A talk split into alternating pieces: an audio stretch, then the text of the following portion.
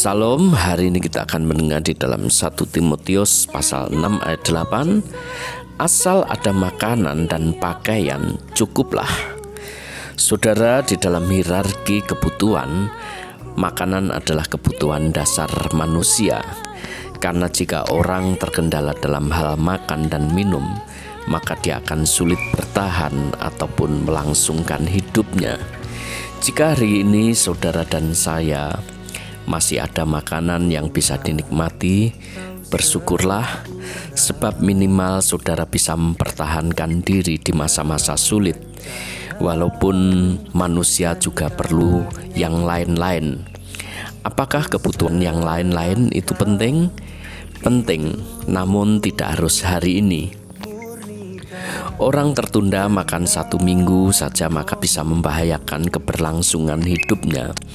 Tetapi kebutuhan sekunder atau kebutuhan yang lain tertunda beberapa saat lamanya, dampaknya tidak akan mengancam keberlangsungan hidup seseorang. Namun kalau kita amati, justru sering kali orang merasa putus asa, merasa gagal, merasa kecil, di saat terganggu atau macet di dalam memenuhi kebutuhan sekundernya. Mengapa? Karena ada pergulakan batin. Dilupakan, diolok-olok, dianggap sudah gagal. Saudara, hidup memang bisa direncanakan, namun dinamika hidup tidak ada orang yang betul-betul tahu. Hari ini mudah, besok sulit, tidak ada yang betul-betul mengerti Kadang kesedihan karena faktor ekonomi tidak pernah direncanakan, namun tiba-tiba hadir dan kita harus bisa menghadapinya. Kita harus yakin firman Tuhan.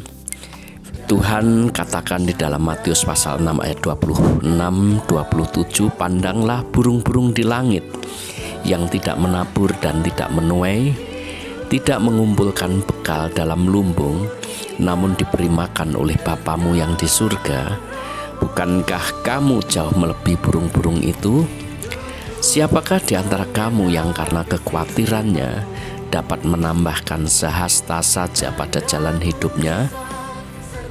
Saudara, di saat kita hanya mampu memenuhi kebutuhan dasar, maka pikirkanlah hari ini saja. Syukuri, doakan, Biar besok Tuhan yang sediakan. Tetap berusaha walaupun harus memulai dari bawah lagi. Namun, jika saudara ada di level berkelebihan, mampu atau bisa memikirkan eh, hal-hal uh, sekunder lainnya, maka rencanakan dengan baik. Tetap bijak menggunakan berkat sebab apa pun bisa terjadi di dalam hidup ini. Puji Tuhan, tetap bersyukur dan tetap bersemangat. Amin. Tuhan memberkati.